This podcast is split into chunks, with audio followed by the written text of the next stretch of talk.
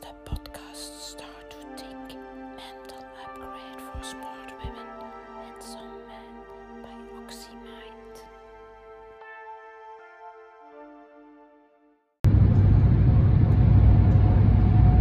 Wat zou jij graag eh, willen kunnen en kan je nog niet? Was de vraag enkele dagen geleden. We zijn ondertussen uh, woensdag 4 november 2020 uh, en dit is podcast aflevering videootje nummertje 81 en jullie weten ik ben op alle platformen, podcastplatformen, ook Spotify en ik heb ook mijn YouTube kanaal waarop jullie kunnen uh, inschrijven.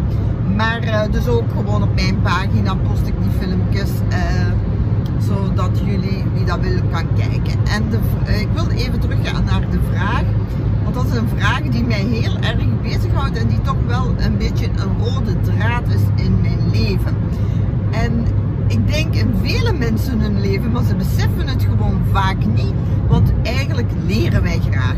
Kijk naar kinderen. Kinderen willen leren. Wij willen leren, wij willen groeien. Wat niet wil zeggen dat we graag die inspanningen daarvoor doen om iets te leren. Dus we moeten eigenlijk al een, een echt een intrinsieke motivatie hebben om iets te, uh, uit onszelf te willen leren. Hè. Soms worden ons dingen opgelegd, maar uh, er moet ergens al een, kleine verdoken passie zijn om, om iets te gaan leren hè, eens dat wij volwassenen zijn. Nu gelukkig veel hebben dat en hebben bewust het idee, ah, ik zou nog graag dat doen of, hebben een hobby en gaan zich daarin verdiepen.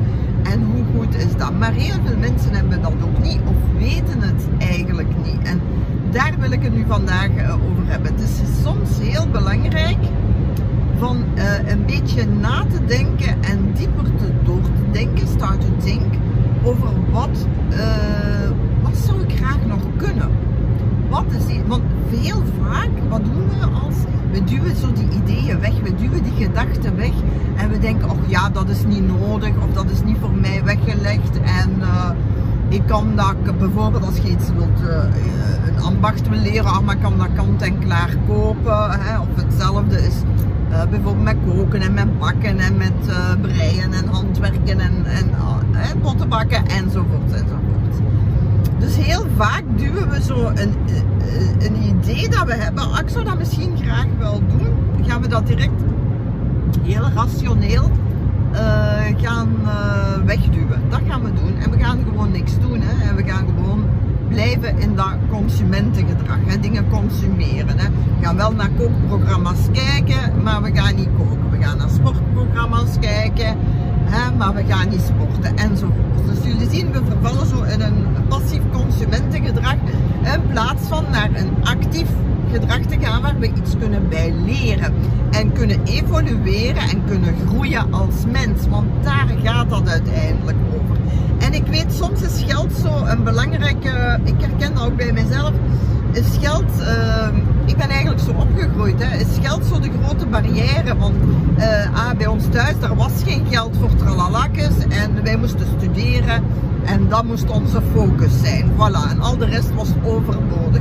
Hoe fout is dat eigenlijk? Hè? Pas op, ik heb al die schade meer als ruim ingehaald.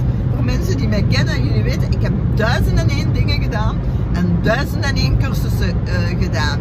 En daarom wil ik jullie vandaag inspireren en zeggen, investeer in uzelf. Hoe absurd het ook voor de hele buitenwereld mag lijken. En misschien zelfs voor uzelf hè, op momenten, hoe absurd het moet zijn. Maar als je een drang voelt of een instinct voelt om iets te doen, probeer het. Probeer het tenminste. Dan kun je achteraf zeggen, oké, dat was niks voor mij. Of daar heb ik uh, daar heb ik geen talenten voor of daar ligt mijn hart niet. Maar ondertussen zijt je wel door een leerproces gegaan en dat is altijd een investering. Geloof mij, vroeg of laat worden, eigenlijk ik vaak zeg, connecting the dots of valt die puzzel ineen en zal dat iets opbrengen, hoe absurd het ook soms lijkt. Ik ga een voorbeeld geven. Ik studeerde filosofie, ja, hè, het zat er ergens in, het zat erin. En, maar dat was allemaal veel te moeilijk voor mij. Dat was veel te hoog gegrepen, dat was veel te intellectueel. Ik snapte niks, ik snapte zelfs die taal niet van die proffen. Eh, ik, ik, voelde mij daar helemaal niet op mijn plek en eh, ik voelde mij niet goed genoeg en niet slim genoeg enzovoort. Uh, daar gaan we nu niet dieper op ingaan. Dus ik had ineens die extreme behoefte om iets met mijn handen te doen. En ik had een andere behoefte die was, ik moest een beetje beter Frans leren. Hè, want ik woonde in Brussel en ik vond Frans heel belangrijk. Dus ik heb dan een beetje, en ik wou eigenlijk ook een derde behoefte. Ik wou mijn bijverdiensten, waar ik toch een centje mee uh, uh, kon bijverdienen. Voilà, ik heb drie parm en zo moeten we denken. Hè. Wat heb ik nodig? Welke behoeftes heb ik allemaal? En dan gaan we kijken, zijn er overlappingen? Of zijn er dingen die elkaar kunnen uh, versterken. Dus ik had dan dat lumineuze idee in de tijd van ik ga kapperschool doen in het Frans. Ik dacht dan ga ik als kapster kunnen werken, hè, een beetje een centje bijverdienen. Dat was eigenlijk de bedoeling. Hè. Ik had nooit de ambitie of toch maar heel even om echt een topkapster te worden. Maar uh, dat heeft niet lang geduurd. Uh, in ieder geval, hoe slim was dat in der tijd? Nu, pas op, hè, op dat moment kostte mij dat fortuinen. Hè, want kapperschool volgen, dat kost veel geld. En ik had niet veel geld.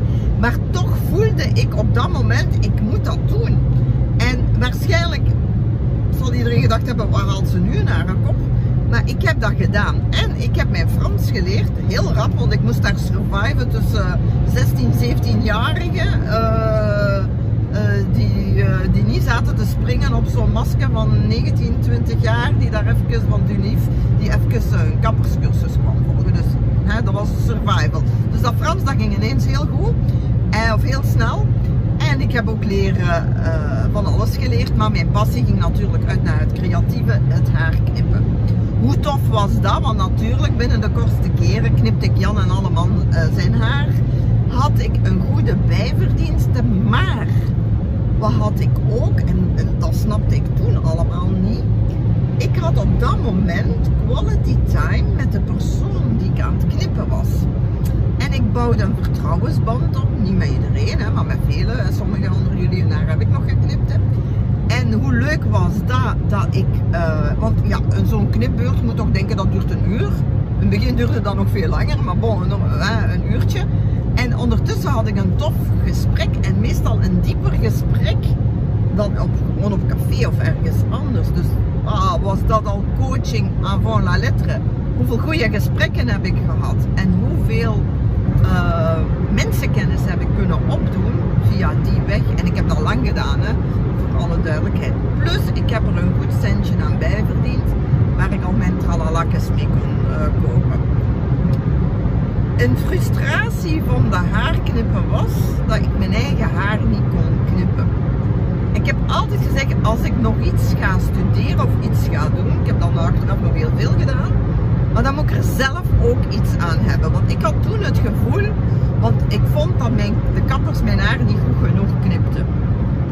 Nu, achteraf gezien, hoe goed is dat gebleken? Want nu in coronatijd natuurlijk. Ik had geen corona uitgroei punt 1. En punt 2, ik heb die Dix mijn haar leren knippen. En die Dix die knipt mij de perfecte carré die ik wil hebben. Want dat is mijn coupe hè, in allerlei lengtes.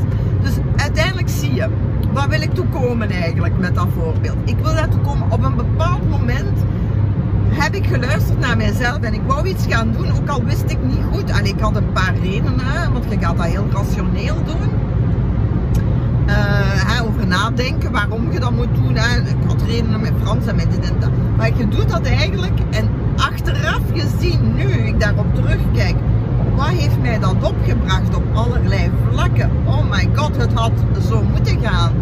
En het is, uh, ik denk ook, en het is dat wat ik nu aan jullie wil zeggen, ik wil u inspireren. Ik zeg, als er zoiets is dat je zou willen kunnen, maar ga er dan gewoon voor. Ik heb ook andere dingen gedaan. Ik heb bijvoorbeeld juwelen gemaakt, daar ben ik na twee jaar mee gestopt. Maar uh, uiteindelijk doet het er niet toe. Ik heb wel iets geleerd over dat materiaal. Ik heb wel bepaalde vaardigheden. Ik heb bepaalde inzichten gehad. Ik ken dat proces van hoe wordt een juweel gemaakt. Ik heb dat in de tijd met mijn nu overleden vriendin Christine gedaan. Hoe mooie herinneringen heb ik daaraan. Allee, hoe waardevol kan het soms zijn? En dus het is soms veel meer dan alleen het leren van iets, Maar het is ook de hele context en de hele wereld die je daar rond meepakt en die je voor u ook creëert, die heel mooi kan zijn. Dus ik wil jullie aanmoedigen, hè. Uh, kijk, uh, denk eens na, lijst eens op, wat wil ik eigenlijk allemaal nog kunnen? Wat zou ik nog graag leren? En denk eens wat dieper door. En soms moet je ook eens doordenken, oké, ik wil dat, maar waarom wil ik dat eigenlijk doen? Wat wil ik daarmee bereiken? Wat wil ik daarmee beogen? Wat is het voordeel voor mij? En ik weet, we zijn dan soms ook heel zakelijk, hè? de economie return on investment. Hè? Ik investeer geld in iets, gaat mij dat iets opbrengen? Maar soms is dat gewoon niet in geld dat u dat iets gaat opbrengen, maar in heel andere dingen. Uh, en vooral in persoonlijke groei. Altijd, dat kan niet anders. Je gaat altijd groeien als je iets nieuw leert. Altijd, dat kan niet anders. En je gaat altijd iets leren. Een vak leren, maar ook iets over jezelf. En daar wil ik u nu toe aanmoedigen in dit filmpje. Dus je kunt het nog niet, maar ga ervoor. Ga ervoor. Er zijn online cursussen, er staan boeken, YouTube filmpjes. Uh, de dag van vandaag hebben we luxe aan informatie. Ga ze halen. Ga ze halen en leer iets bij. Groei, groei, groei. Dag!